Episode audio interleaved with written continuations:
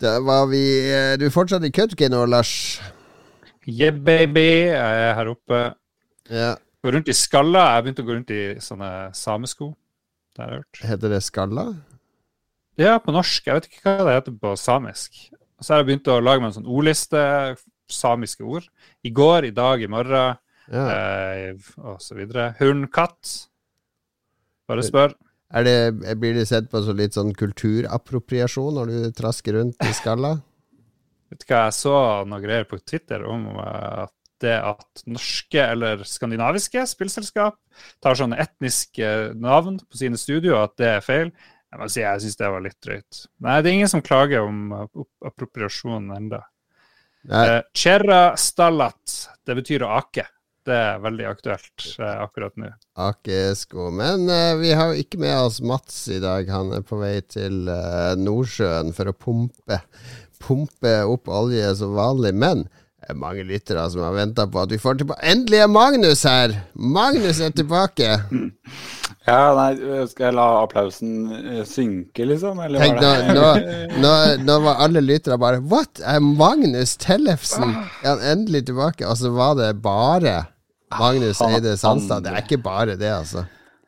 Brille-Magnus. Ja. Brille-Magnus. Mange tror du er oppdykker, Magnus. Skal vi få det Ja. unna verden med en gang? ja, nei, det jeg pleier å si, er at det er jeg ikke. Jeg bare ansetter de, og så sørger for at de har det så bra som mulig. Ja. Så Er, jeg, er du en brilleselger? Er det ja. jeg, jeg begynte med det, og nå, eh, nå har jeg fått ansvaret for dem også. Så de kaller det butikksjef, og jeg kaller det å være da leder, Ja. vil jeg si. Ja. Ja, for du er brille... Du er øyelege, er du ikke det, Magnus? Jo. Som du pleier å si. Ja. Ja. Du jobber med briller, i hvert fall, på, Ja.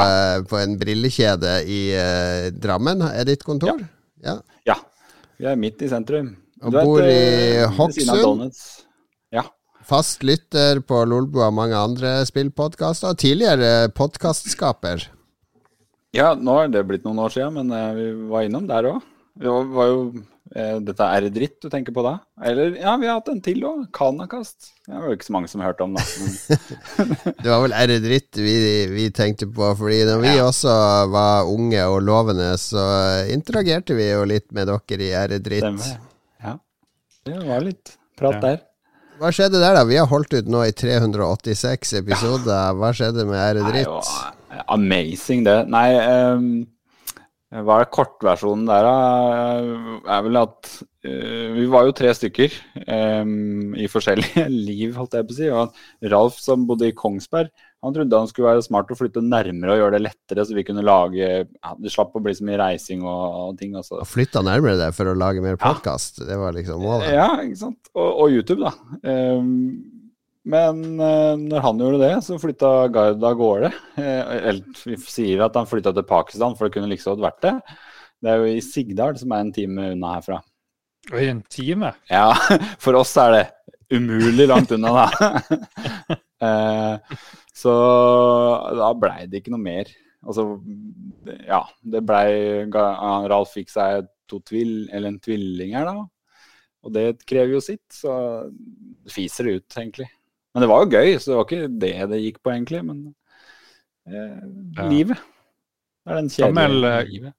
Gammel BBS-operatør. Det syns vi var gøy. Det har du Mm. fortalt om en del om i Lolbua. I motsetning Ja. til Lars, som har vært en Ja. BBC-operatør. eh, Yeah, boy. Ja, stemmer det. Jeg fikla en del med sånt eh, opp igjennom. Ja, BBS, altså. Ja. Hva er en BBS? Vi har unge lyttere, vi må huske Ja, det. sånn. Vi har også 3 eh, kvinnelige lyttere, men de kan godt hende at de vet hva en BBS er. Det var veldig. Det er så få av det, de blir ikke, de er så få av det, de blir ikke krenka uansett. Altså, jeg er vant til det. Sånn. Men, eh, nei, men det er vel internett før internett, holdt jeg på å si? Kan man si det? Ja, Ja, det var, det var da, da man måtte ringe til andre. Alt var ikke Mm. kobla sammen, der du, du fritt kunne seile mellom alt. Du måtte ringe spesifikt til, eh, til en nettside. Hvis vi skal forklare det Ja, enkelt. Du måtte ringe til vg.no, og så Ja. måtte de svare, og så da Ja. kunne du få opp VG på skjermen din. Og det kuleste var jo de som bare var oppe om natta, syns jeg. Det var jo de, de mørke som du måtte kjenne noen for å slippe inn på. Det er litt sånn de tingene der. Det var jo hacker, eh, hackers og freaks og andre Ja, som, eh, som likte å leke seg i dette digitale landskapet. Ja, ja, ja. Jeg lærte å bli en lystløgner på BBS-a, fordi du fant sånne sider hvor de hadde masse wares, de hadde mye kule spill og demo og sånt, men så måtte du ha noe liksom å gi tilbake ofte, hvis du ikke kjente de som drev på det. Så måtte du liksom smoothtalk og social engineere for å få, ja få noen sant. gratis megabyte i nedlasting. Og da ble jeg ganske sånn psykopat og bare sa uansett hva jeg trengte for å lyge til meg noe Mortal Kombat eller et eller annet. liksom. Og sånn har du bare fortsatt resten av livet. Ja, så nå er du journalist. Det, det er jo helt utrolig. Hvem skulle trodd? Ja, jeg lærte mye av det der. Blant annet at det går an å få 5000 i telefonregning på en måned. Ja, ja, det er- i, 5000 er jo det vi betaler i strøm på en uke nå, så det er jo ingenting, Lars. Uff. Ja, det er jo rart at jeg lever etter de strømregningene, egentlig. Det er, eh, Ja, du ute i Hokksund, eh, kaldt og jævlig nede ved elva, eller Krokstadelva som renner gjennom der. ja, ja, stemmer. Ja, ja, ja. Går ut i Drammenselva der. det kan ikke være billig å bo der. Nei, jeg på å si den prisen du prata om nå, det var vel det vi fikk i støtte fra staten. Det er mange av oss. Så det er Ja. jo liksom ja. Det er jo samme prisen hos deg. Ja, fordi vi- Lars han sitter og klager vilt på det strømregninga, men hva er det du betaler der oppe? Det er sånn 30 øre eller noe sånt? Og da er det katastrofe oppe i I Nord-Norge. dag er det 17, i dag er det 17 øre. 17 øre. Ja, Er det er absurd? Det er 17 kroner Ja. her. Jeg så de der som hadde, eh, var på Dagsrevyen i går, eller hva det var, hadde fastprisavtale på strøm. Kjørte Stampen ute, utendørs hele døgnet. Det er, det er typisk. typisk. Er det leieboerne dine gjør, som har inkludert strøm i, i husleia? Det er en hack, det der. fordi du, du får jo støtte via nettleia, og det er uavhengig av hva du får i regning. Så hvis du bare sørger for å ha masse forbruk, så får du faktisk dekt regninga di. Det det er smart. En, en ekte hack. Vi skal dele litt hva vi har gjort i det siste, er jo det som spalten egentlig heter. Og ja, Lars, du har allerede Det her blir Det er kanskje den dårligste gjort tenkt siden sist spalten noen Det er bedre enn det dere har. Jeg tror du allerede snakka om de her dumme sameskoene dine.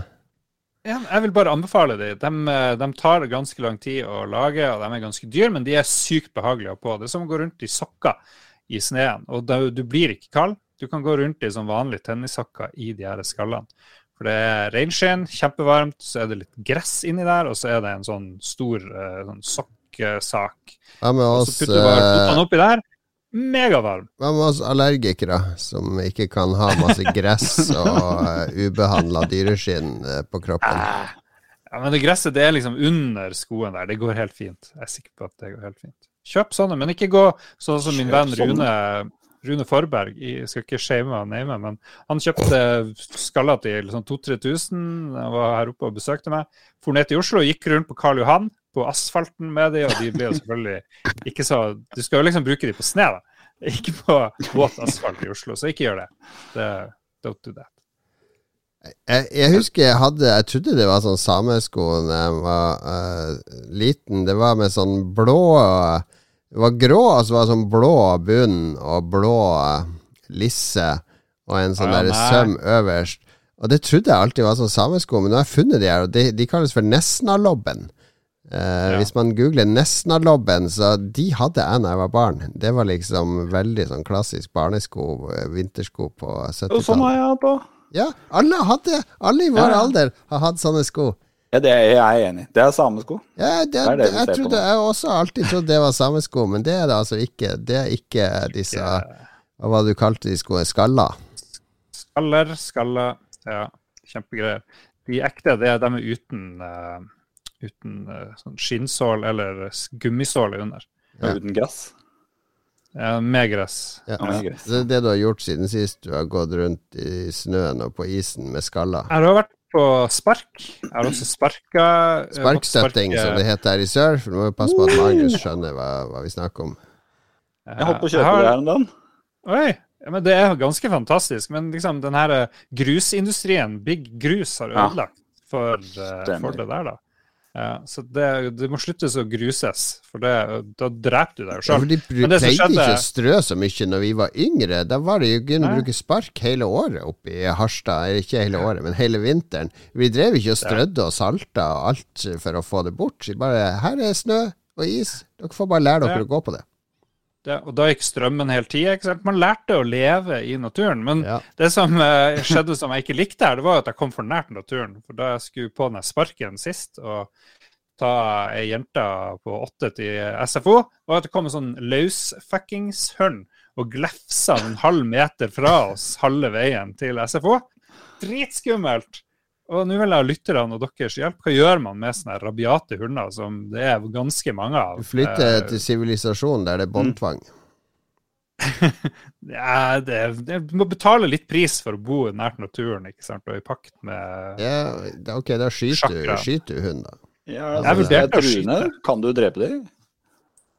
Altså, ja, i i USA. teorien, da. Trodde Nei, det var en i ulv, kan du si. Angrep mitt barn.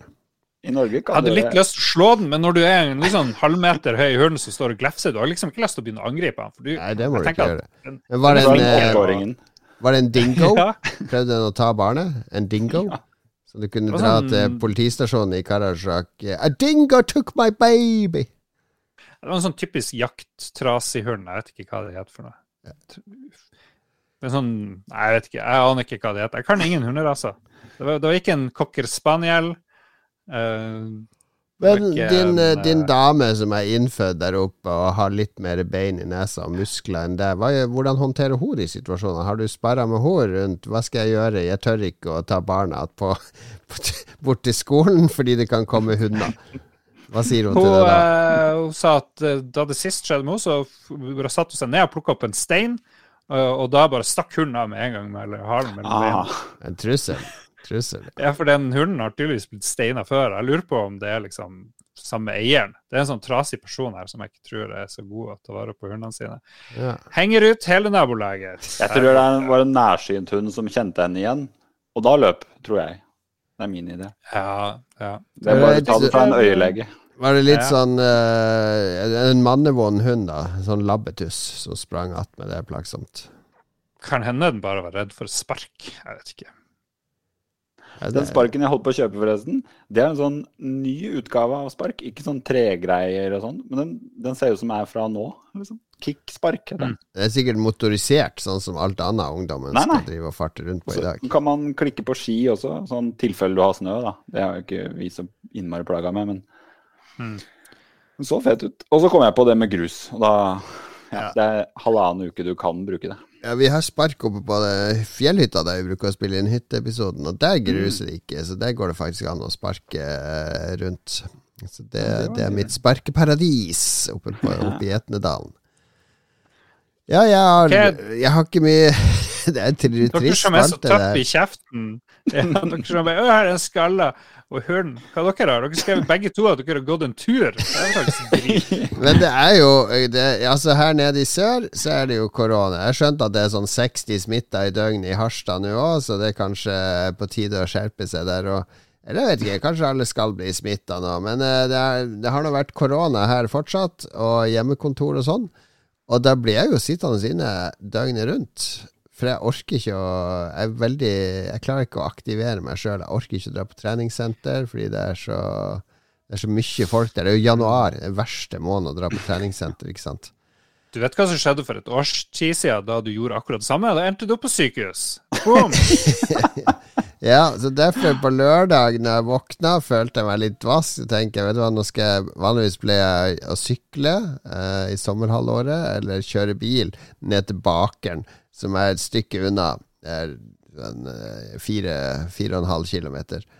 Men nå tenker jeg, nå går jeg til den bakeren. Tar meg tre kvarter å gå dit, og tre kvarter hjem. Gjør jeg heller det. Tok meg en sekk, og så gikk jeg. Og da, da følte jeg meg skikkelig frisk og rask. Møtte en bjørn på veien. Jeg bare smukka den rett ned, og så kom det en gaupe. Bare flerra frem kniven. Switch!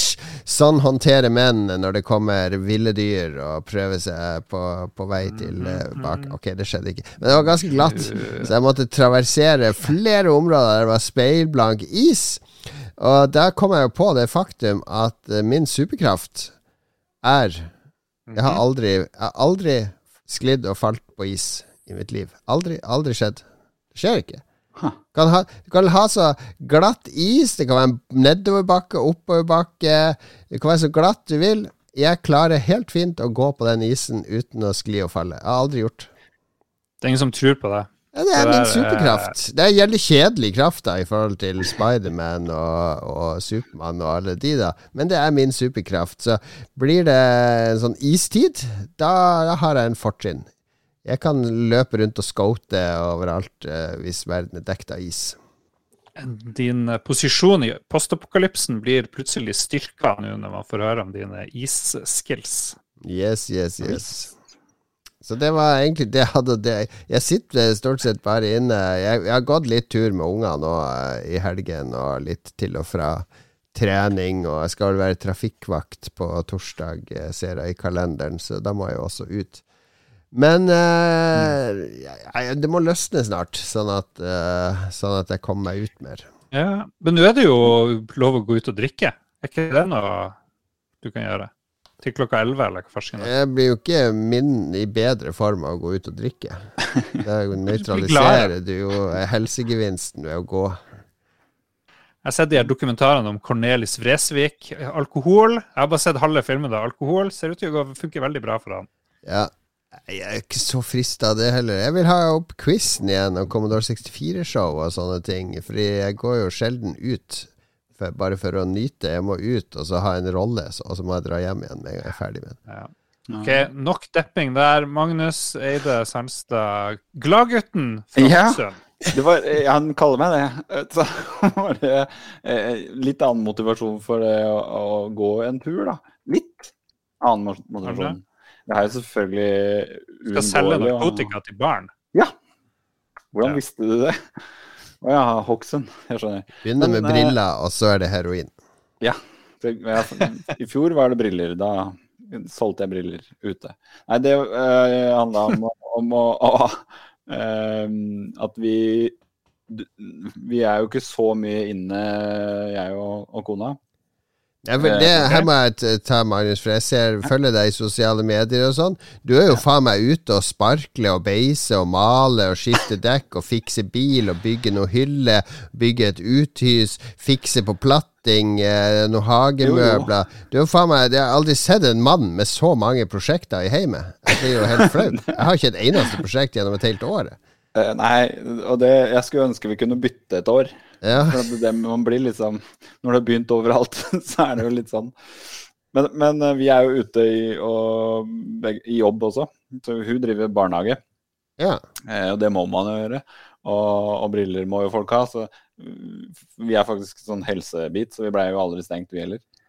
Um, men det å gå tur i den sammenhengen her, så, så handler det om å få en litt annen samtale. Da. Så det, vi er her om dagen, så sa vi bare eh, nå er det lyst. Og ja, det var på søndag sikkert.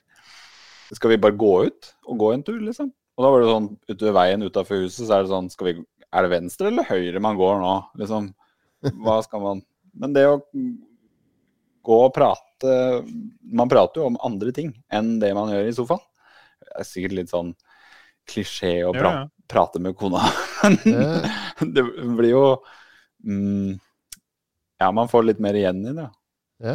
Hva, du, hva dere eh, Er det mer sånn ja, nå bør vi vaske opp, og når skal Nei, vi legge oss? det er det det ikke og- blir. Når du er innendørs, og så Ja. når du er ute, så er det noe Ja, annet. det, Det er blir mer sånn- drømmer og følelser. Og, kan, ikke vi, kan ikke vi dra på seiltur, Magnus? Seiltur, jeg og du. Det er sånn evig mas om å dra på tur, da. Men um, nei, det handler jo mer om sånn, syns jeg, sånn Oi, har naboen der borte gjort sånn? Ja, det var rart. Eller eh, hvorfor går folk når vi går på en sånn stirunde rundt her, da? Hvorfor går folk på høyre side og venstre side i stien og de der greia der? Hvorfor er det ikke noe skilt her som slipper vi der kryss, kryss og tvers-gåinga og ja, de der det var dumme bare masse klaging hele tida. Hva gjør folk feil? Feil skilt? Hva faen har de gjort med huset sitt? Dere blir sånne her Curb Your Enthusiasm-folk, begge to. Ja, nå ble jeg avbrutt, men jeg skulle fortelle at vi drepte noen som hadde feil sko borti her òg. Ja, Det var noe ja, sånn halm oppi dem. Eh, Noen sånne samesko. ja. Jesus. Nei da. Det var, det var sikkert på tide. Nei, men um, det, ja, det, det var bra å få litt sånn luft i trynet, og Ja. ikke var det så innmari kaldt heller. Så. Ja, jeg, jeg, må, jeg går jo faktisk en del tur, men jeg syns det er så kjedelig å gå eh, At du skal tilbake til utgangspunktet. Ja, det skjønner jeg. Fordi nå i korona jeg har gått så mye tur her oppe, jeg kan alle de veiene så Ja. godt. Altså, min mor hadde da et hint, fordi hun også hun var glad, var glad i å gå tur når hun var yngre og sprekere, men hun hata å gå sånne runder. Så hun brukte å få faren min til å bare kjøre henne et sted. Kjør med en mil Ja. i en retning. Altså Gjorde han det, satt satte hun av, og så kjørte han hjem, og så gikk hun. The OG Bear Grills, liksom. Ja, ja, ja. ja, ja. Min mor. Er, min bror er jo Bear Grills, visste du ikke det, Magnus? Jo da, jo da.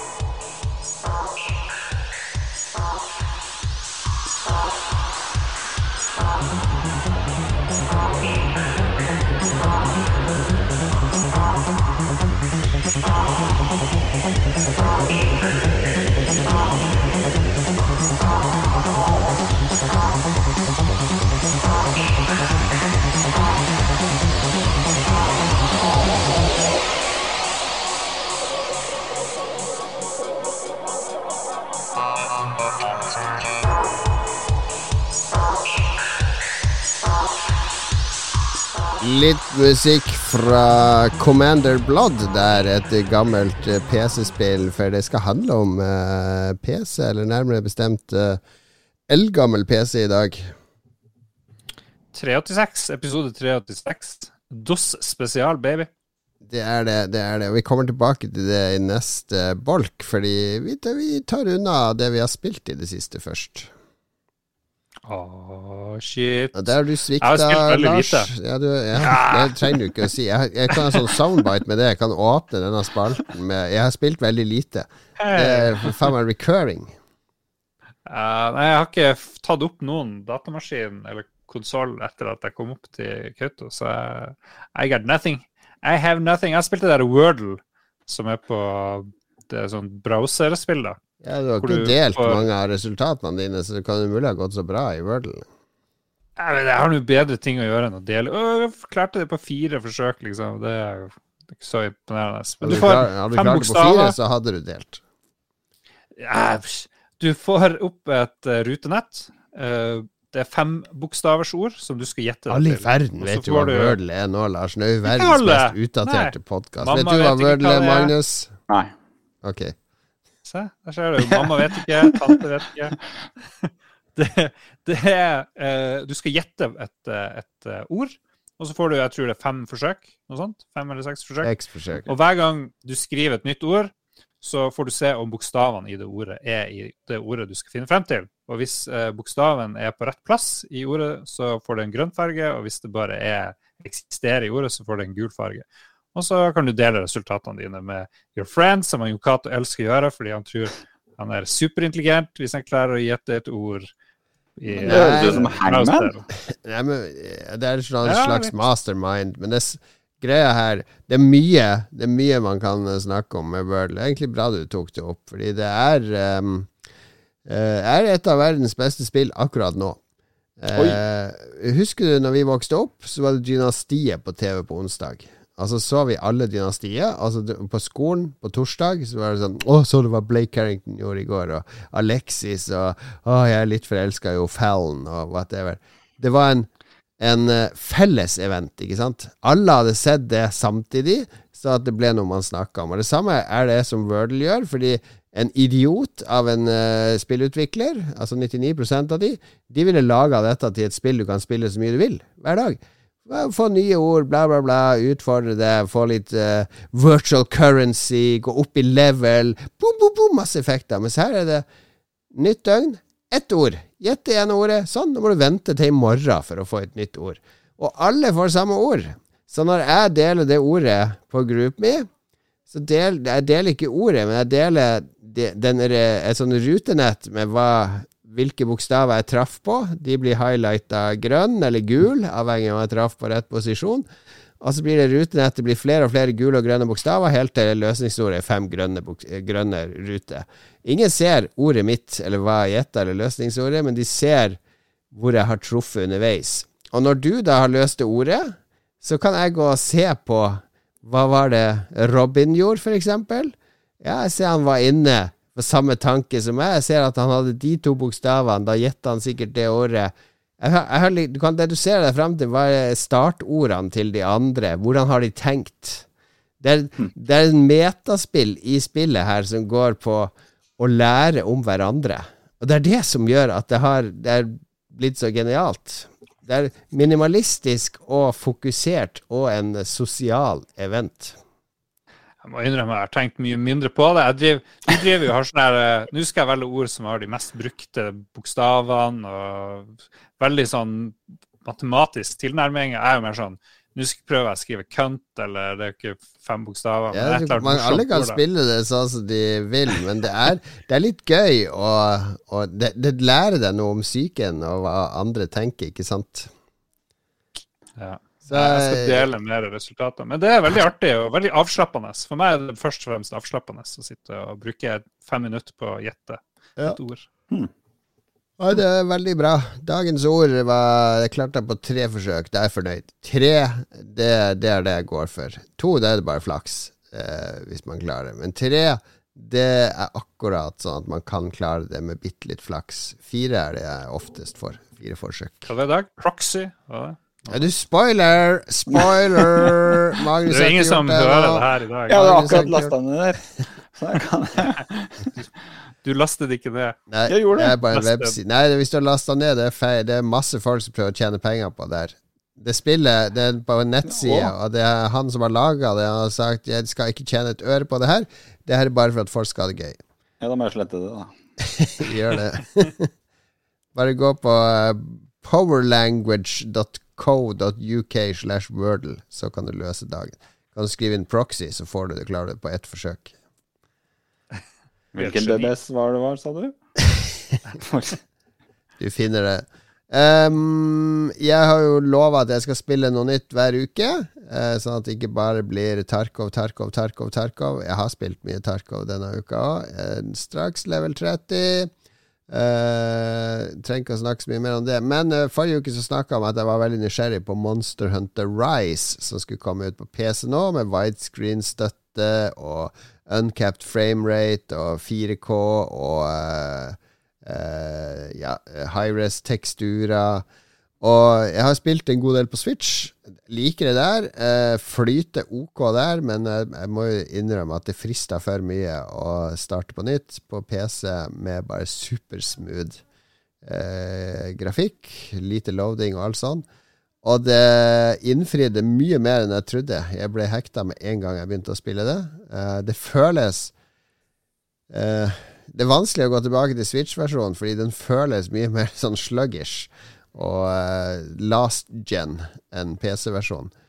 Uh, og så må det jo sies for de som, elst, som, har spilt Monster Hunter World, at det er sånn, lit, sånn visuelt så er det nok et lite steg tilbake uh, med tanke på detaljnivå i omgivelser og sånn.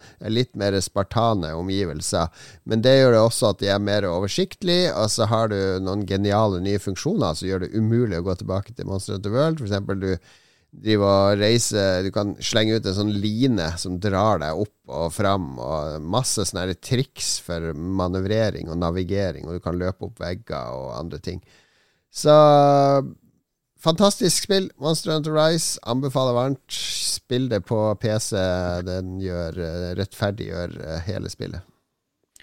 Rise in my pants. Dette er ting som Magnus aldri kommer til å spille. Helt sikkert aldri kommer til å spille. Antagelig ikke. Antagelig ikke. Men hva er det du har spilt da, Magnus? Uh, jeg har spilt uh, noe som heter Super People. Ja vel. Uh, et mm. spill som ikke er selvfølgelig sluppet ennå.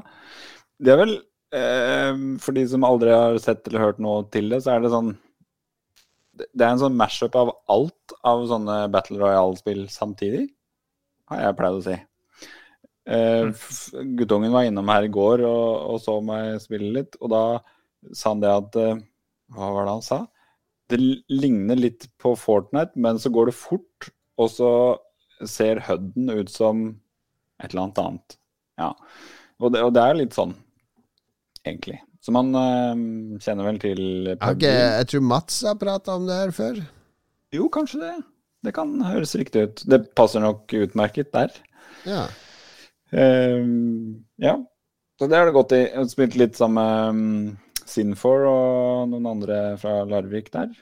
Ehm, Mm. eh, for vi har gått videre fra pub PubG da, til det her ja. eh, en stund. Det er jo i alfa, så det er et, sånn- forrige kvelden så hadde jeg- det krasjer ut av spillet he- hele tida for meg den ene kvelden, og da, da blir det mer banning enn det pleier å bli. Men det får man bare tåle da, når det er gratis. Men hva er, hva er det som er bedre enn PubG her? For du er jo eh, eh, Jeg kjenner jo deg som en eh, meget dedikert PubG-spiller. Det har blitt noen timer der. Nei, det er, det er litt nye mekanikker. Det at man kan du, du oppgraderer deg sjøl. Altså du går i sånn levels på um, abilityer. Du, du har ikke noe abilityer på PubG heller. Um, så man får et sånn klassesystem der også. Um, ja, hva skal jeg si? Det er vel egentlig den største forskjellen, kanskje. Ja. Altså, det flyter jo på en helt annen måte. Det er langt på en helt annen måte. Altså, så det ser litt mer sånn eh, Det er litt mer nå enn det PubG er. For det er jo gammelt. Det er det. det er det. Men nå ble jo eh, PubG denne uka ble vel gratis. Hva tenker du Ja. om det, som har brukt sikkert eh, titusener av kroner på skins og cosmetics, og også kjøpt retail-versjonen? Ja, nei, det er vel helt greit, er det ikke det? Altså, det kom det jo med en del oppdateringer også. Eh, noen droner og litt sånn klassegreier der òg. Ja. så nei, det er helt greit. Hm. Nå er det så langt uti. Det er et forsøk på å få opp spillebasen, tenker jeg. Så hvorfor ikke? Why not indeed? Ja, Lars. Nå Ja. er spøken over. Nå kan du si hva Du har spilt noe ordentlig spill òg, har du ikke det? Nei, jeg har bare spilt World. Jeg beklager, jeg har ikke spilt noe. Men jeg driver og ser på video av det her Superpeople, Super People, og det er jo spennende.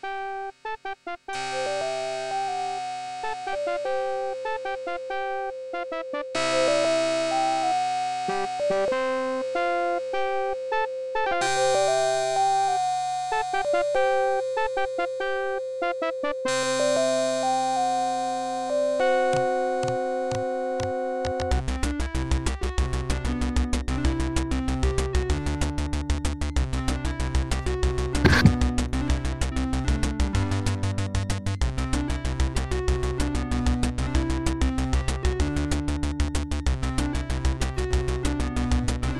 tror vi hører musikken fra Space Quest 3 her.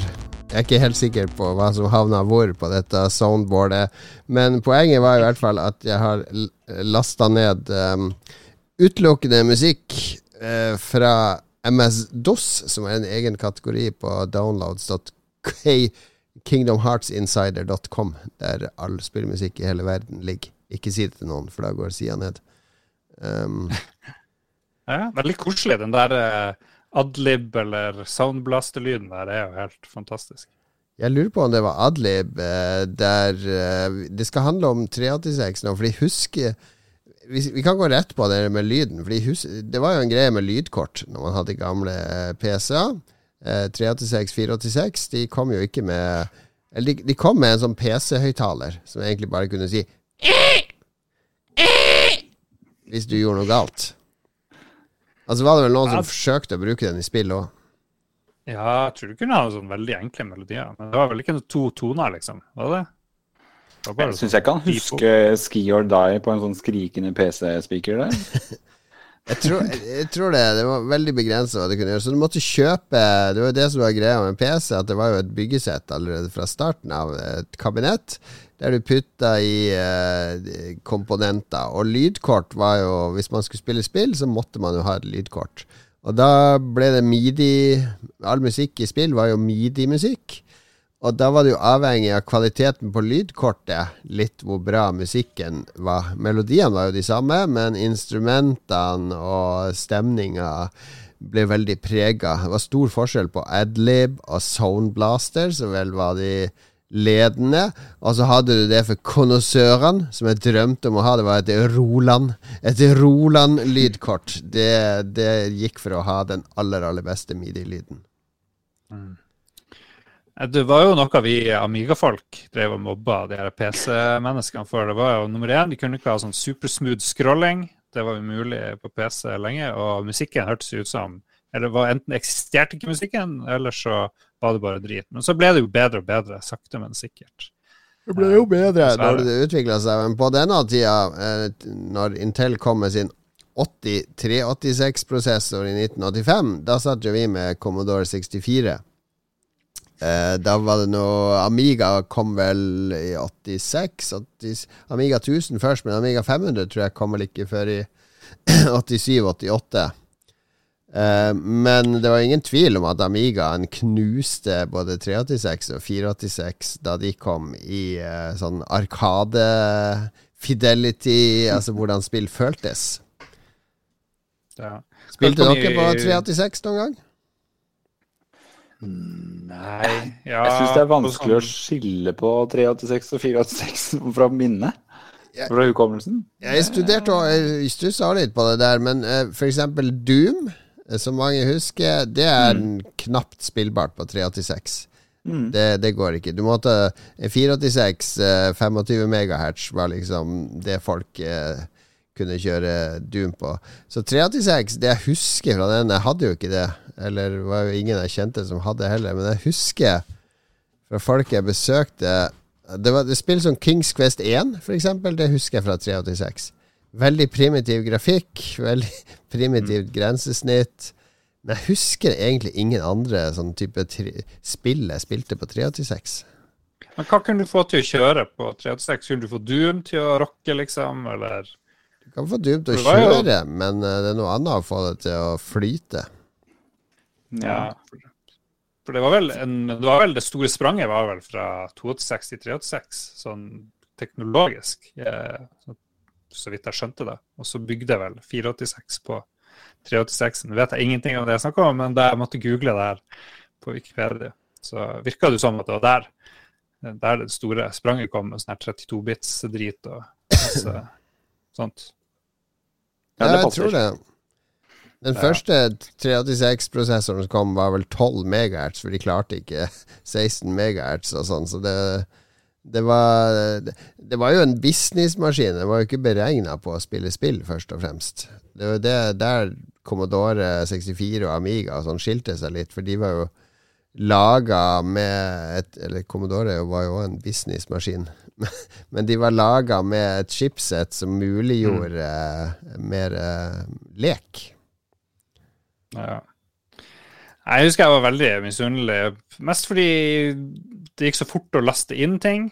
Uh, vi som bare hadde diskettstasjon, ikke sant. Det var ganske heftig forskjell på de som hadde harddisk, og da hadde jo de her PC-folkene stort sett. Da kunne du spille SimCity og Prince of Persia er liksom de første tingene jeg husker. Så kom ting som eh, Jones in the Fast Lane. Nå husker jeg ikke hvilken maskin det var vi spilte det på, om det var 386 eller 486. Men eh, det var helt vilt å sitte og surre på og spille uh, Larry. Det var jo tidlig PC-ting.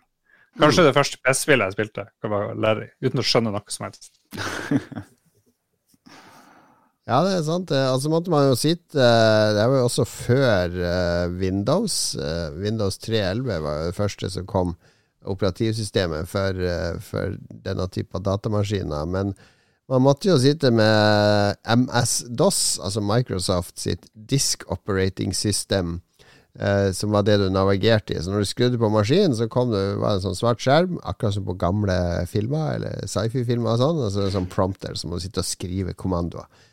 Eh, og det måtte man jo bare lære seg hva man kunne skrive. Og det første man lærte seg, var jo selvfølgelig å skrive DIR, eh, som står for Directory, hvor da får du en liste over alle mapper og filer der du er nå i maskinen sitt lagringssystem. Og så kan du skrive CD, altså navnet CD porn, for å komme inn i mappa der du har lagra alle verdisakene dine. Og så tar du der, og så kan du åpne ulike filer der ved å kjøre de. Mm. Savner du den sånn, tida her? Det var, jo, det var jo mer sånn Commodore 64-aktig, det der MS-DOS. Du følte jo at du hadde, og så følte du at du hadde full kontroll. I dag, så hvis du har en Mac og sånt som vi har, så er jo Du kan jo ha sånne shells og uh, litt sånne command-ting, men du følte du hadde full kontroll over maskinen. Det savner jeg med de der uh, MS-DOS-greier. Visste hvor alt lå. Det er noe med det. Og det, eh, det er litt det samme, tenker jeg. Fordi man eh, med, med det retro-greiene at man visste jo ingenting. Jeg gjorde i hvert fall ikke det. Jeg visste ingenting om de kommandoene før jeg lærte de av noen. Og de hadde jo bare lært de av noen. Altså, I starten så var det sånn hvis Jeg hadde sånn huskelapp. ikke sant? Så skriv det her, skriv det her, så er det spill. For pappa lagde en sånn huskelapp til meg. Og etter det så, så, måtte du bare leike deg fram, da. Men det er jo som du sier, hvis du ikke traff riktig og fikk det til, så skjedde det ingenting. Traff du, så hadde du full kontroll. Og når jeg ser eh, Jeg har jo noen venner som er langt forbi nerd enn meg, og de bruker jo kommandolinjer i dag. Så når de skal hjelpe meg med et eller annet, så jeg skjønner ingenting av det. For de skal jo ha opp, eh, hva heter det, PowerShell mm -hmm. eller noe. og gjøre alt der. Jeg bare, ja, de skal gjøre det? reg-edit og Det er ikke lettere. det er jo koding.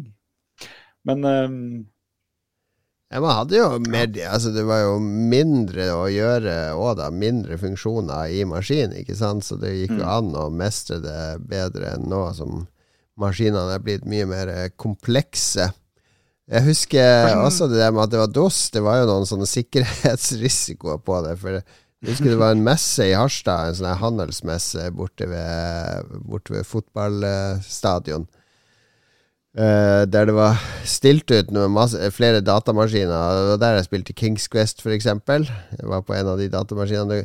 For da var det bare De sto bare på med sånn svart skjerm med prompter på. Så måtte du bare skrive dirr, så for å sjekke ut ligger noe spill her og sånn. Og fant jeg Kings Quest kunne spille det. Så Dagen etter så dro jeg dit med min venn Simon.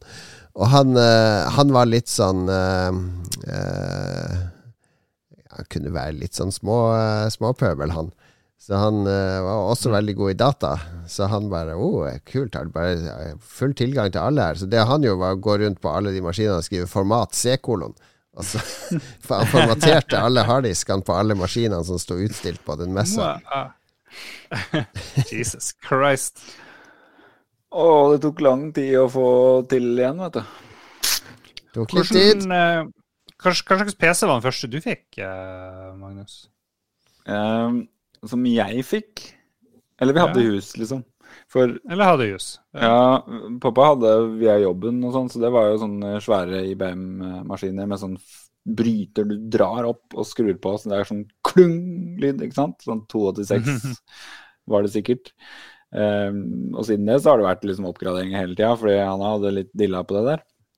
Men jeg tror den første mm. jeg hadde, var noe sånn 486 DX. Var det noe som heter DX2? Lurer på, kanskje det var et totall der. Ja. Um, så jeg, jeg, kan huske at jeg Nå er jeg to og et halvt år, jeg vet ikke, jeg, er litt yngre enn dere, skjønner jeg. Så ja. jeg var ikke så god i Fysisk. engelsk på den tida heller. sånn det, det, å spille Larry var jo håpløst, ikke sant. For jeg måtte jo lære de ordene også. Så eh, Police Quest rota vi rundt i, og ja. Men jeg husker vi lagde my mye rart i DOS for å få det der til å funke, da. Og gjøre det lettere. Og faren til en kompis lagde en sånn meny, husker jeg, i, i, som het bare Meny. Så du skrev bare meny, og så kunne du trykke på én for det spillet, og én, to for det spillet, og sånn. Det var kjekt. Nice. Ja. Mm. Min første jeg, jeg, var jo kom Amiga og Commodore 64-kar. Men jeg ble student i Oslo, og jeg var jo verdens kjedeligste student. Drakk jo ikke, hadde, ville ikke ha noen nye venner. eh, spiste bare en Grandiosa i døgnet, liksom, og drakk en cola. Det var mine matutgifter. Så jeg hadde jo masse penger, så jeg brukte jo halve studielånet og kjøpte meg en 486 DX2 66 MHz med CD-rom eh, på starten av 90-tallet. Og det, det, var en bra investering. Spilte mye bra spill på den. Mm. Ja. Jeg kom først med i PC-verdenen. Det var en sånn uh, Celeron, Pentium Husker ikke hva det het. 90! Men da, jeg, da, var jeg ganske hardcore, trodde jeg i hvert fall. For da drev jeg med sånn kjølepasta og drev og skrudde hist og pist. Jeg skjønner ikke hvorfor jeg gidda det. Jeg var en helt annen person. Nå er jeg så langt unna å være han der som gidder det nærme meg. Påvirka, du har jo en del venner som holder på sånn fortsatt, så du var sikkert eh, prøvde å skli inn i det miljøet før du skjønte at du kunne bare være litt sånn crazy Lars, så var du akseptert. Ja, nettopp. Ja. Stå litt på hodet i trikken. Ja. Nei, men uh, bare fordi episoden het 386, fant vi ut at vi måtte mimre 386. Uh, og de som eh, Vi har jo fått en fantastisk illustrasjon til episoden fra deg, Magnus. Hvordan er det du har laga den? Den er, det heter Tegna, tror jeg, eh, i et sånt ANSI-editor eh, som heter Maebus, eller noe sånt. Ja. Så det er ANSI, bare herma etter et eh, ganske kjent skjermbilde. Klarer du å lage den kvadratisk òg? Jeg glemte å si det. For det, for det må vi ha til Spotify og sånt. Lage noe kunstnerisk effekt utafor der, da. Det kan vi gjøre. Se hva vi får Ja, får det var lurt. Ja. Vi kommer jo eh, til å få litt mer bidrag av folk som husker mer enn oss. For vi har Ja. jo fått nesten 60 bidrag fra Det var litt sånn lakmustest på hvor gamle lytterne våre er. Hvis vi spør om sånne ungdomsfenomener, vi får ingen, ingen respons. Eh, Spør om eh, 386-minner. Det bare renner på. Det er faen meg som kommentarfelt eh, i en nettavis når du har skrevet om eh, et eller annet som gamlinger blir krenka av. Så det bare renner inn med, med bidrag. Har du sortert alle, Lars? Jeg orker ikke. Vi kan ikke ta alt. Har ikke sett noe. Vi tar det på live. Vi tar det på spark. Yeah, ja.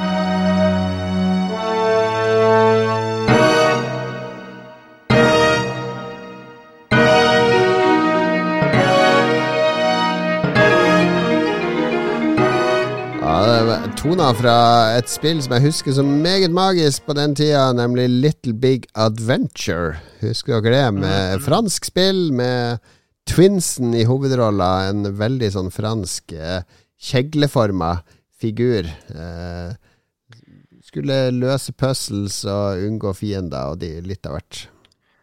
Jeg kom nettopp på at jeg hata jo stort sett PC. Fordi det var ikke Amiga, og jeg skjønte at Amigaen klarte ikke å hamle opp. Eller det elendige selskapet Commodore drev og fucka så mye opp. De bare jeg var jo, jeg, Da andre drev og styrte med 386, så hadde jo jeg CD32. Det sier jo litt. Du er, du er altfor lojal, Lars. Du har en sånn blind lojalitet. Du blir en perfekt Hitlerjugend hvis eh, Hitler hadde levd når du var syv år. Jeg var med Hitlerjugend. Alle foreldrene mine. Nei, det var ikke det. Nei. Ok, det er anbefalingsspalten før vi skal slippe til lytterne. Vi må jo eh, fortsette vår gode trend med å anbefale ting til folk. Det er jo mange som følger anbefalingene våre òg. Henne jeg får feedback på Ja, sjekka ut den filmen eller den serien eller det Jon Cato tipsa om. Kjempekult. Eh, jeg, sikkert noen som blir skuffa òg, men da, da sier de ikke ifra til meg i ettertid. Så jeg kan begynne. Det er jo min favoritt-japanske komi-reality-serie Documental. Jeg har vel spilt inn en åtte-ni episoder, men kun tre av de var på Amazon lenge. Og så kom Amazon Prime, snakker vi om her. Og så kom eh, sesong fire. Eh, og den, den var ikke så bra så de tre første. Tenkte jeg eh, nå, har, eh, nå har de tapt seg litt. Men nå dukka plutselig sesong fem opp. Måtte sjekke ut. Kjempebra! No, kanskje noe av det beste i dokumentet som har vært. Veldig inspirerte eh, fjolleri og fjås de prøver på for å, for å sette hverandre ut. Bra persongalleri med.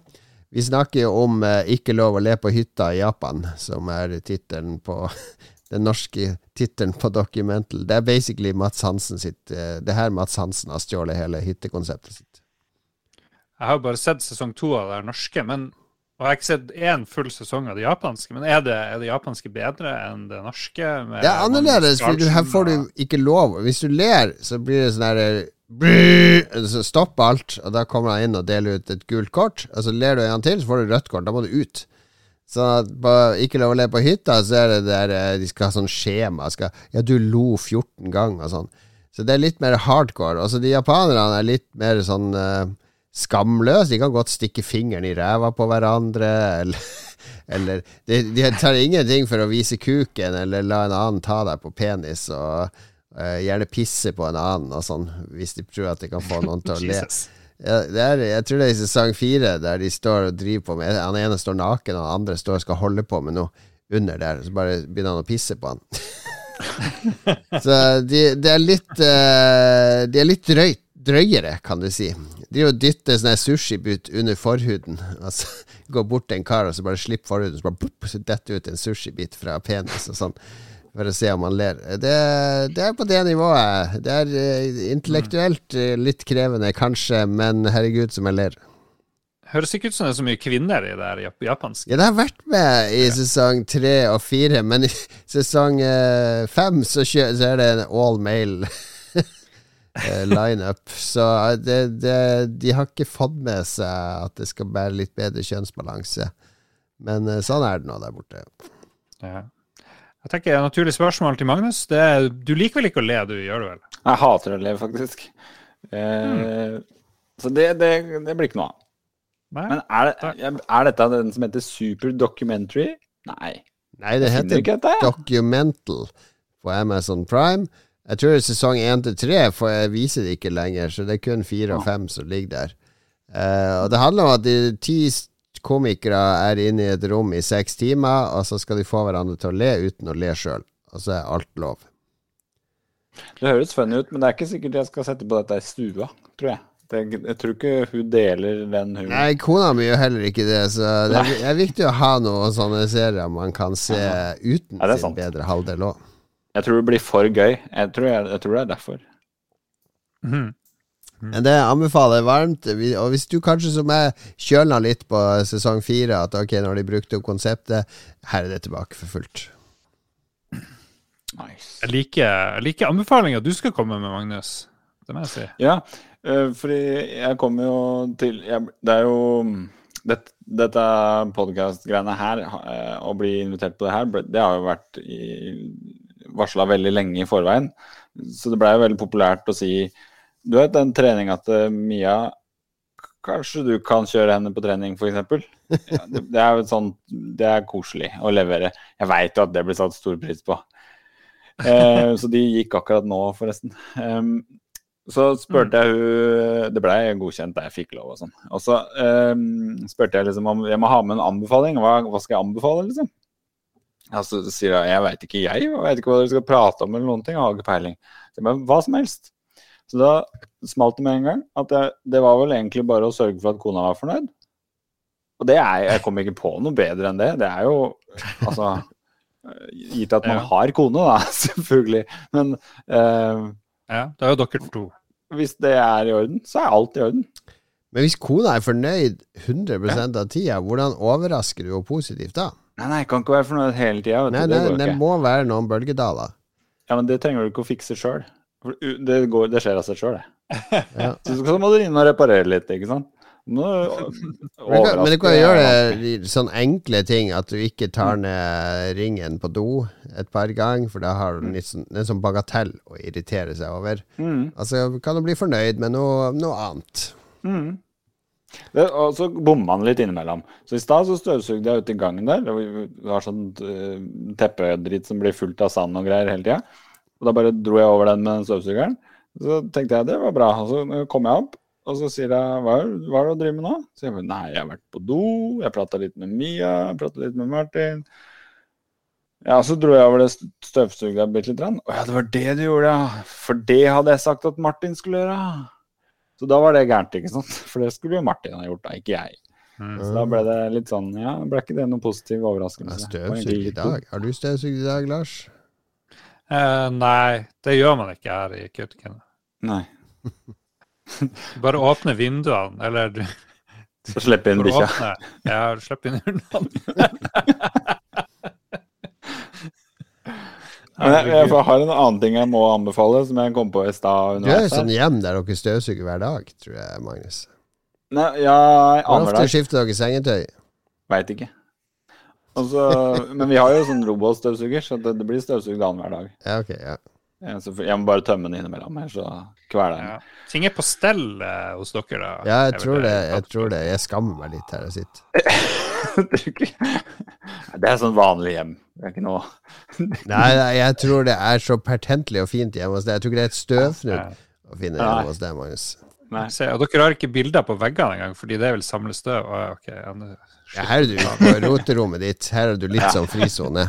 Er Hun går ikke inn hit. Det, Nei, det, det, det er derfor du har det rotet, for da vet du at hun kommer ikke inn. Hadde det vært ryddig og rent der inne, så hadde hun vært der hele tida. Sitte i sofaen og Sitte på TV der. Det går jo ikke. Men jeg vil anbefale en ting til, da, som er sånn temabasert. Ja. Ja, og det er um, et prosjekt som en, en som naturlig nok ikke har navnet sitt ute der, um, som kaller seg for EXO. EXO. Han har et prosjekt som heter Exodus. Mm. Hvor det starta med at han ville em, Exodus! ja, Ja, mann! vil alle spill fra DOS. Eh, eh, samle de, arkivere de og liksom preservere de. Og så syns jeg han har gjort en eh, jævlig til god jobb. Um, hvor Ja. er adressa? Eh, helt adressa, altså. Exodus Retro Exo. Retro-exo.com. Ja, nice. Der er den. Eh, og det er jo bare han, han, 7200 DOS-spill.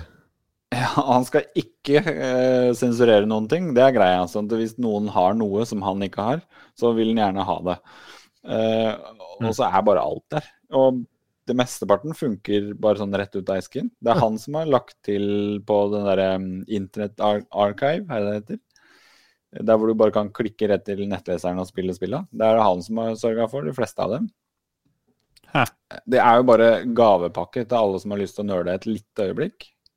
Da kan du laste ned hele pakka, den er kjempestor, eller litt.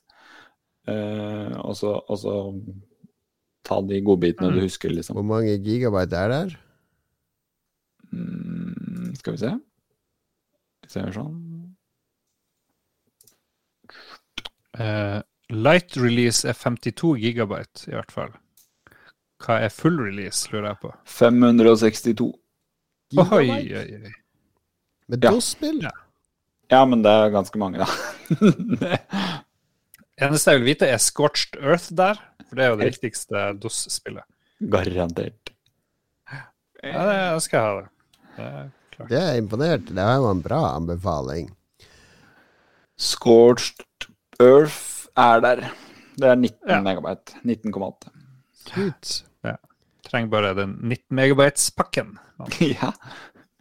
Hva med, hva med deg da, Lars? Eh, Fordi nå Yo! Ok, du var ikke med i forrige episode, ikke sant? Så du har to uker på deg nå. Du Hatt fri eh, fra forrige episode. To uker på deg til å spille nye spill. Jeg har ikke spilt noe som helst.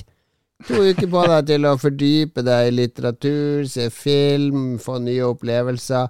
Hva er nå? Nå vet jeg at du har eh, virkelig gjort en innsats for å finne en anbefaling til våre lyttere å få høre. Jeg kom på noe bra her mens du satt og klagde. Da kan jeg spare. Men ok, jeg må jo nevne det jeg har skrevet. Det er treningsstudio. Det er jo direkte retta mot deg. Du kan ikke anbefale treningsstudio i januar når halve Du Norge har et nyttårsforsett om at de skal gå ned 15 kilo før sommeren, og det er tjokefullt! Fra det åpner til det stenger. Når jeg går forbi treningssenteret på morgenen, det står 20 mennesker i kø klokka syv og venter på å komme inn. Ja, I Kautokeino er det så lett at du ringer Tone hotell, er det eneste treningsstudioet og så booker du tid, for det kan kun være tre stykker. Ok, Så du anbefaler treningsstudio på Tone hotell i Kautokeino? Ja, det er det. Men for, for guds skyld, folkens, hvis dere er smådeprimert, kom dere ut og begynn å trene. Det er Sånn er det. Treningsstudio er best. For å få ordentlig, for maks løfte tungt, bryt på. Men den beste anbefalinga jeg skal gi, mens Magnus uh, fikk en telefon, eller noe sånt, er Tina Live, som gikk på NRK 1 eller 2 eller 3 i går. Jeg trodde det var der jeg trodde, Tina Live. Jeg trodde det var der Kokke-Tina, skjønner du. Tenkte, svenske? Ja, ja. ja, for vi var bare han på bakgrunnen. Men det viste seg at det var Tina Turner. Ja vel. så hun gamle dama, ikke sant, hun var 70 eller noe sånt da, Ja, ja, ja. da det ble spilt inn. Holdt på i over to timer. Utrolig bra stemme. Eh, klassiske Teen Turner-moves. Hun driver og covrer ting Ja, ja, ja, bitte litt, men hun har utro, overraskende mye bra greier. Og så har hun så helt sånn dementert sceneshow med sånne kung fu-folk eh, rundt omkring hele tida. Så blir det en sånn her mystisk mash-up av eh, Tina Turner og kung fu som jeg likte. Og når uh, Thunderdome, Beyond Thunderdome-sangen kommer, så går alle i sånne her ville Mad Max-klær og, og styre på. Det, Det er veldig morsomt. Den der uh, We don't need another hero. Another hero. Ja. We don't need another hero. Hun er litt, litt sånn ja. kvinnelig Rod Stewart. Og Tina ja, Turner. ja. Helt sånn Not first City Limits! ja. Jeg har aldri hørt så mye på Tina Turner før i går, hvor vi bare ble sittende og se. Jeg var litt sånn blown away over hvor, eh, hvor heftig hun Rockens bestemor, eller hva nå enn hun ble kalt. Herregud, for en podkast det her har blitt. Lars har sett kveldsunderholdninga på NRK. Ja, dette kan jeg anbefale! Nytt på nytt! Eh, Der sitter de og harselerer over nyheter. Dette bør du sjekke ut. Fredagskveld. Ok, vi får ta det, da. Tina Live, treningsstudio på Thon hotell Kautokeino. Exodos, det var en veldig bra anbefaling. Sørg for at kona eller ektemann er fornøyd. Til de 3% av våre lyttere som er kvinner og heterofile, da. Eller eh, de 97% av våre mannlige lyttere, der det sikkert er en prosentandel, som er homofil og kanskje har en mannlig partner. Jeg vet ikke hva du kaller det, kone, da? Eh, Er det mannen din, da? Min mann? Holde it happy. Hold samboeren eh, glad. Samboeren eller ektefellen glad. Til slutt, se Documental sesong fem.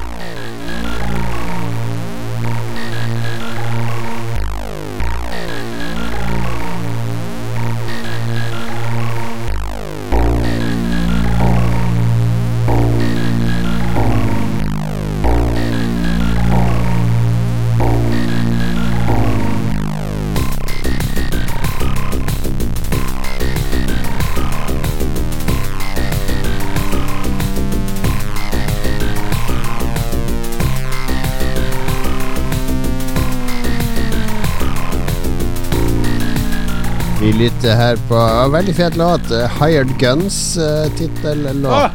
som vi også var et Amiga-spill, men dette var MS-DOS-musikken. Altså midi- midi-musikk.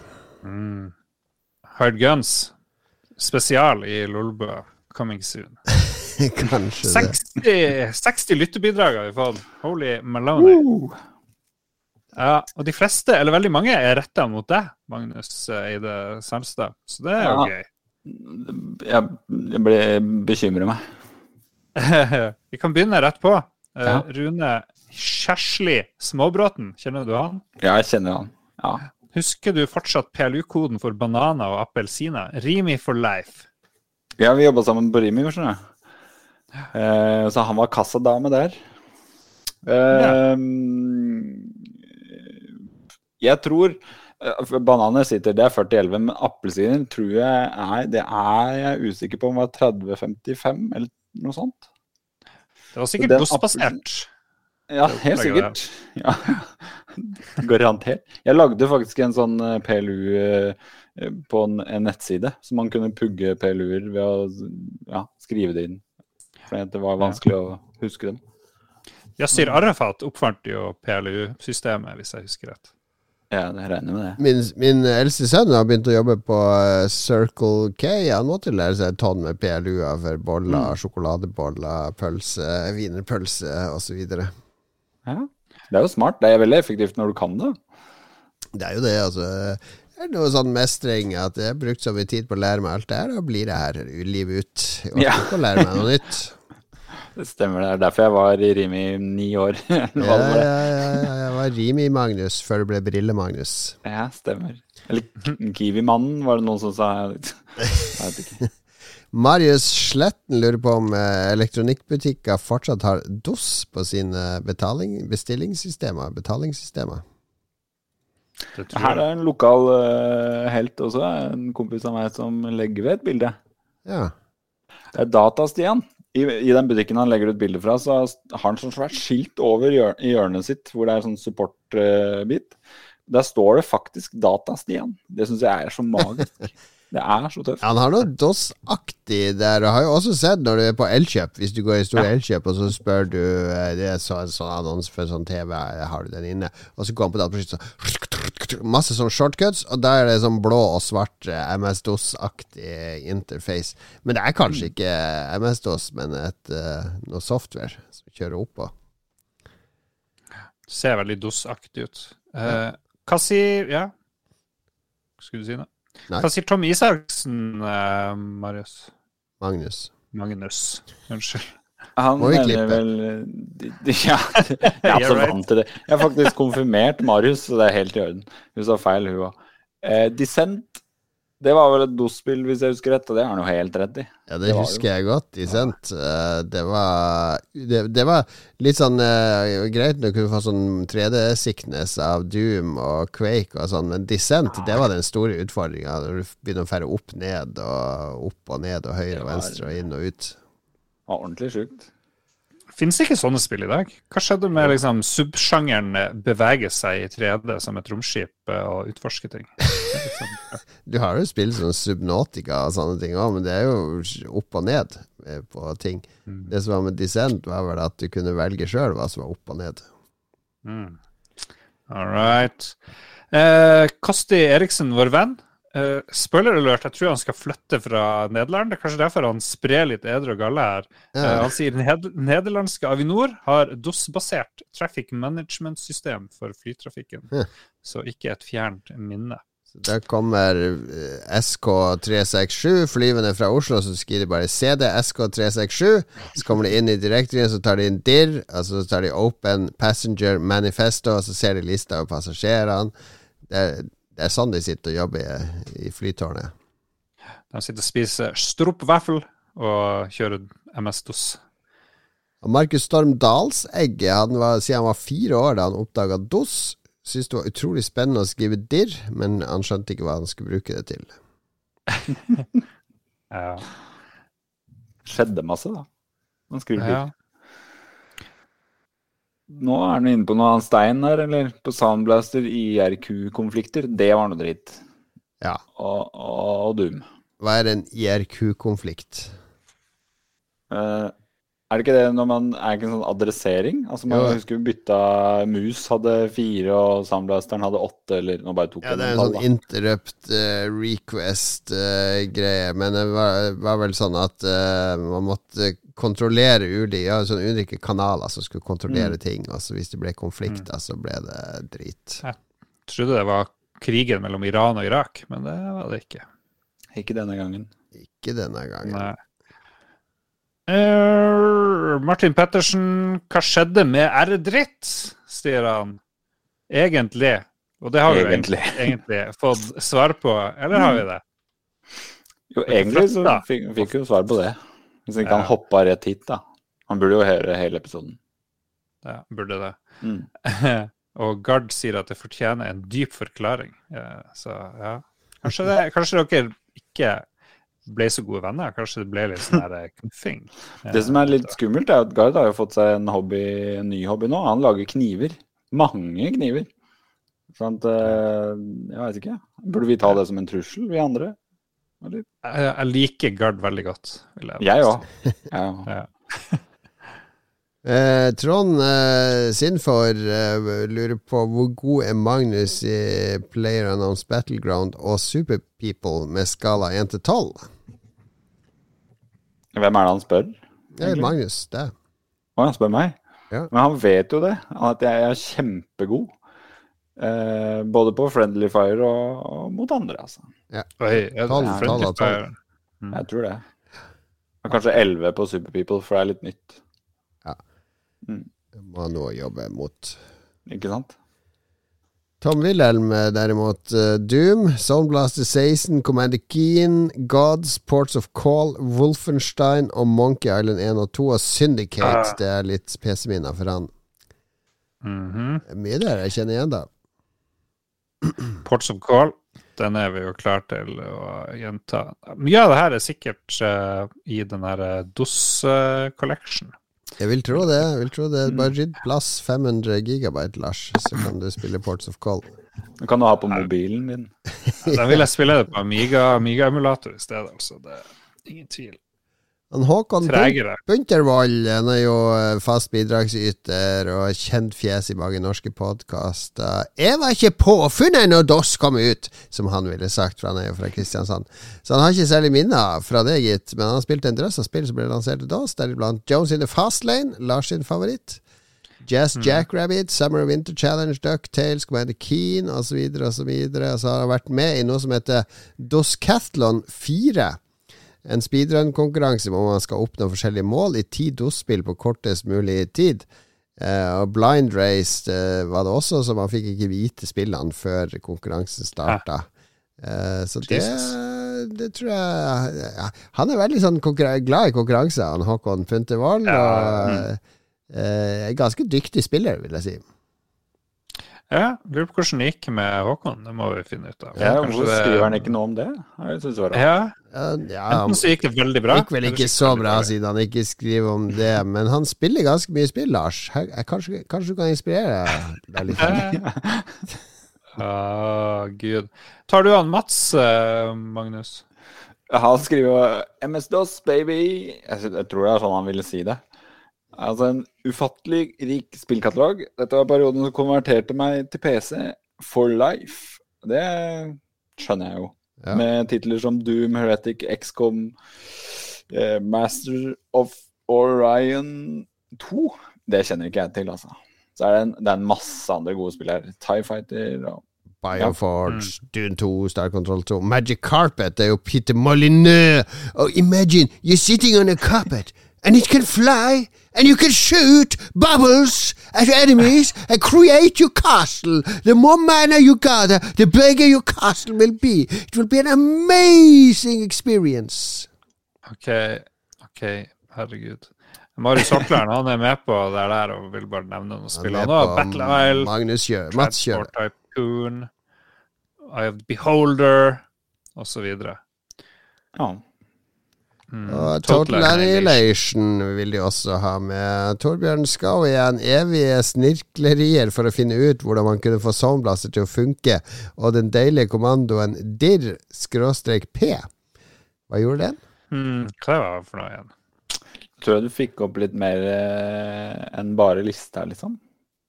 Jeg husker jeg brukte slash W. Jeg husker ikke hva han gjorde nå, da.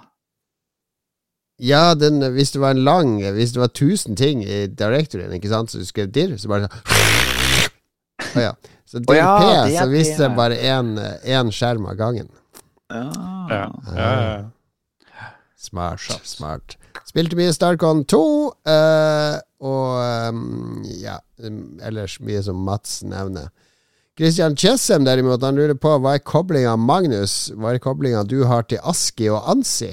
Er det bare at du liker kunstuttrykket, eller er det noe annet?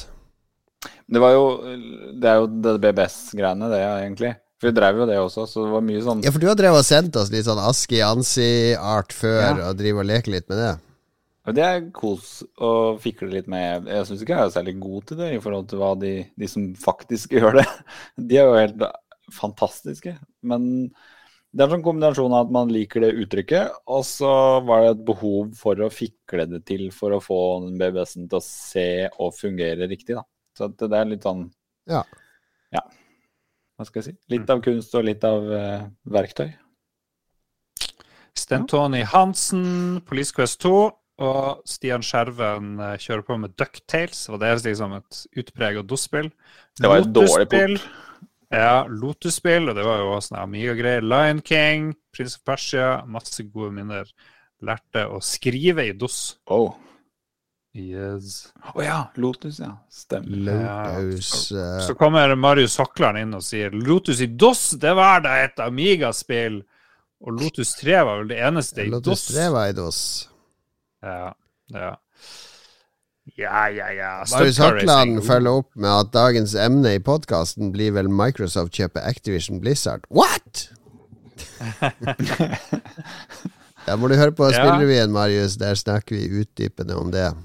Men du var vel ja. sånn der eh, Overwatch-mann, eh, Magnus. Er du tilbake på Overwatch nå som eh, Microsoft eier Overwatch? Nei, eh, det har ikke vært så interessant lenge, altså. Men Nei. kanskje jeg kan prøve det igjen nå, da. Nå er det jo lov. Sweet. Neste er Jonas Flatfjord. Flatjord. Flatjord. Flat Earth. Jonas Flat Earth. Han forstår Jesus nesten ikke at man som niåring fikk til å installere spill, musdriver osv., men morsomt var det med masse lånte i anførselstegn spill på fem til ni disketter. Oh. Piratkopiering. Ja, piratkopierte dere nå, for det gjorde aldri vi. Masse. Masse. Jeg husker vi bora høl i ene hjørnet på diskettene for å få større kapasitet på dem. Ja, bruke begge sidene. Ja. Det var veldig smart. Ikke dumt, det. Jeg kan prøve det i dag på eh, den Blu-rayen du kjø- Last of Us 2, og se om det blir dobbelt så mye plass på den Blu-rayen. Det går ikke, det. Og de sier at teknologien har gått laster fremover.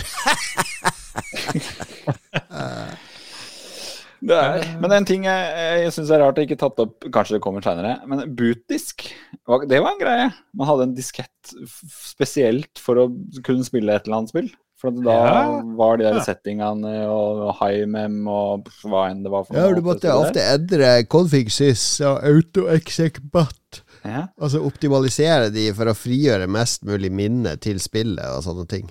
Så det er sant, det. Mm. Måtte ha egne sånne filer. filer. Mm. Olav Øyan. God dag, Olav. Mhm. Han spilte BMG, tidlig fotballmanagerspill, Dogfight og Red Baron samt stunts. Gode, gamle stunts. Ja, Stunt, er det Stunt. Car Racer, eller var det noe annet? Det er flyspill. Stunts. Nei. Jo, Nei. jeg er sikker på. Stunts. Det heter bare stunts. Du Nei, skal fly sånn. sånne stuntfly. Disney som ga det ut. Mm. Nei, driving. Nei da. Det er et uh, kjørespill, altså. Det husker jeg Ok, da. supergodt. For du kunne få den Formel 1-bilen der til å henge seg fast i femtegir på full speed, og den bare flaksa av gårde helt til du slapp knappen. Det var veldig gøy. Man BMG, bygge hva står det selv. for? Ball Manager It's- Game, Ja. må det være. Varg Strande. Han spilte Wolfenstein 3, The Prince of Persia, Lemmings og Day of the Tentacle. Oh. Mm. Prince of Persia tror jeg var mange som uh, spilte på PC tidlig, altså. Mm. Det var jo fantastisk. Jeg husker mora til en kompis drev og spilte det, av en eller annen grunn. Oi. Kvinne spiller? What?! Nei, men- tenkte de da. Tror ikke noe på det. Nei. Alexander Gosling eh, han hadde også utallige runder med å optimalisere AutoExec-BAT og config sys-filene for å få nok minne til å kjøre spill. Og så var han veldig glad i X-Wing, Tie Fighter, Dark Forces og Doom. Trippel Star Wars pluss Doom. Ja. Og så kommer Frode Oppsal med brannfakkelen PC sucks. PC-suger har alltid sugd, vil alltid suge og kan brenne i helvete. Han eh, fikk syv svar. Nei, det er han sjøl som skriver det. neste. All right. Han sier hvem faen er det som har gode minner fra den dritten av en datamaskin, denne klønete plattformen av pappamaskin som har klart å posisjonere seg som host master race. Fy faen, for et overkomplisert eh, pip-system. Vaklete bygd på en grunnmur av blod fra sine bedre storebrødre. Pøy! PC-brukere er og blir annenrangs mennesker, men Gud tilgi dem, for de vet ikke bedre. Selv om de har alle forutsetninger, skulle man faen meg tro, til å være bedre utgaver av seg sjøl. Det jævla forpulte oppgraderingskjøret, fortsatt stablet på bena på et fundament av dritt! Gi meg en tidsmaskin, og jeg skal prioritere faren deres på tidlig 90-tallet foran Hitler på drapsturneen min. Så møtes vi igjen i et alternativt univers på en bedre tidslinje. Ah, Harde ord, sterke meninger i Lolbua. Ah, Ja. Magisk. Men så Ja, eh, seriø- To kommentarer senere under i tiraden sin, så sier han Men seriøst, kanskje Wolfenstein 3D eller World Perfect? uh, Word perfect og nice. MS-DOS lukter kjellerstue, promp, pizza, rollespill, runking og smågodt. han for en poet. Barndomsvenner uten fremtid og en fremtid uten barndomsvenner. Wow. Er kunsten ja, det er eh, nesten kunst. Ja, ja. Slår til. Tusen takk. Siavash, vår venn, eh, sier Day of the Tentacle, kanskje? Er det det? Dot og Siv. Vet ikke om Dot er Day of the Tentacle, hva er det? Dot Sier og Siv, sier han. Så det er Day of the og Siv. Day of the, ja. Even Aarseth uh, husker onkelen Onkelen fikk tak i Doom på 24 disketter som var pakka i .rar. Partisjonert rarfile på hver diskett. Ble mye prøving og feiling i DOS da, ja. Og så ble det Com-party etter hvert, og så ble vi jo jækla gode på amerikanske presidenter og filmstjerner via Larry. Yes. Lurer på Så kommer, hvordan eh, onkel han har, egentlig. Fordi de, Hvordan han klarte å dele det opp på 24 disketter, er jo helt utrolig. Det tar jo egentlig bare to. Kanskje, ja, fordi Marius Hokland lurer på der. 24 disker. Ja. Doom? Doom 2 var på fem eh, 3,5 toms disker. Doom 1 var fire, mener han. Doom 3 var 3,9 gigabyte, så der er det snakk om omtrent 3000 disketter. Erik Fossum, eh, nå er Pressfire inne her. Erik Fossum fra Pressfire mener at Alley Cat fortsatt er dritbra. Hellicat, hva Ja, det er sant, faktisk. altså. Det, er, det krever ikke så mange farger heller. Det er kjempebra. Var det det? Var det, Jeg det, tror det er det første PC-spillet jeg har sett. det er den tegne, tegnesfilmkatten. Nei, nei. Det er verre enn det. Det, det er bare en katt. Oi. Bra ut, det, Men da. er Det er oransje. Nei, rosa. Rosa. Vi har til og med gamer.no her. Audun Rodem, eh, redaktør i Gamer. IRQ-konflikter, Soundblaster, Shareware, Warcraft over TCP, IP, redigering av AutoExitBat, CD, prikk, prikk. Følelsen av at hele systemet er bare én brukerfeil unna å krasje. Ung alder pluss foreldre som ikke var helt datatrygge, i parentes. CD, Man, Alleycat, Commander Keen. Eh, veldig like Ja. minner, både med Erik her, Audun.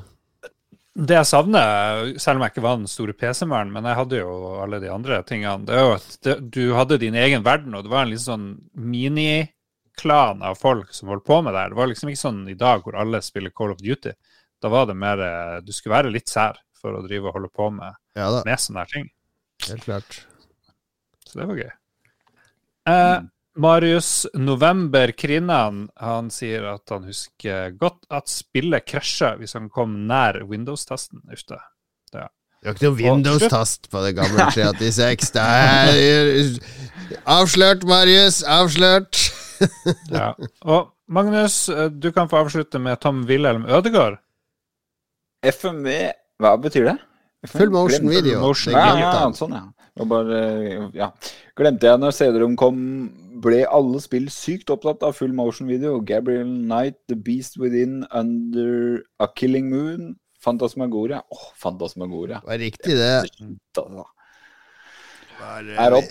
vi, vi var skeptiske til de greiene der, husker jeg.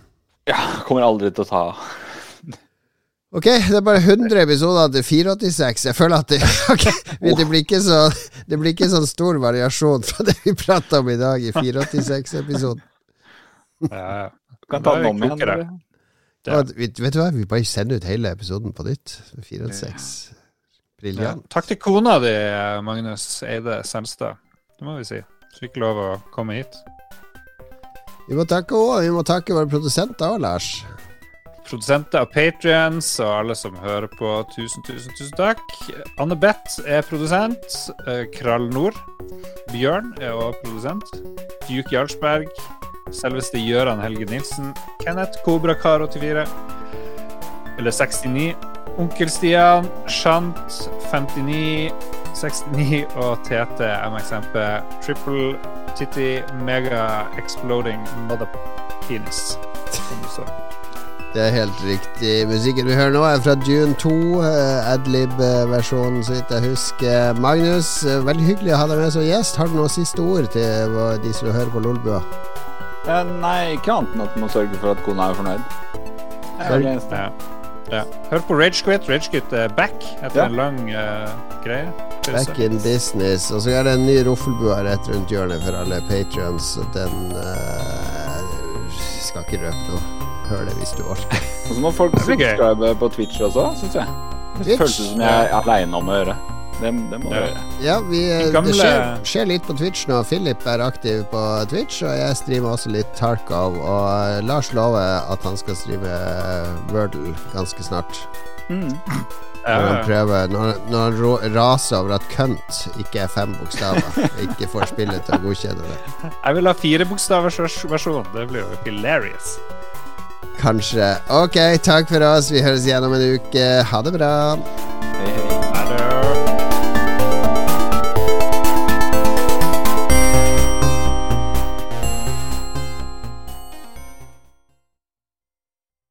Har du et enkeltpersonforetak eller en liten bedrift? Da er du sikkert lei av å høre meg snakke om hvor enkelt det er med kvitteringer og bilag i fiken, så vi eh, gir oss her, vi. Fordi vi liker enkelt. Fiken superenkelt regnskap.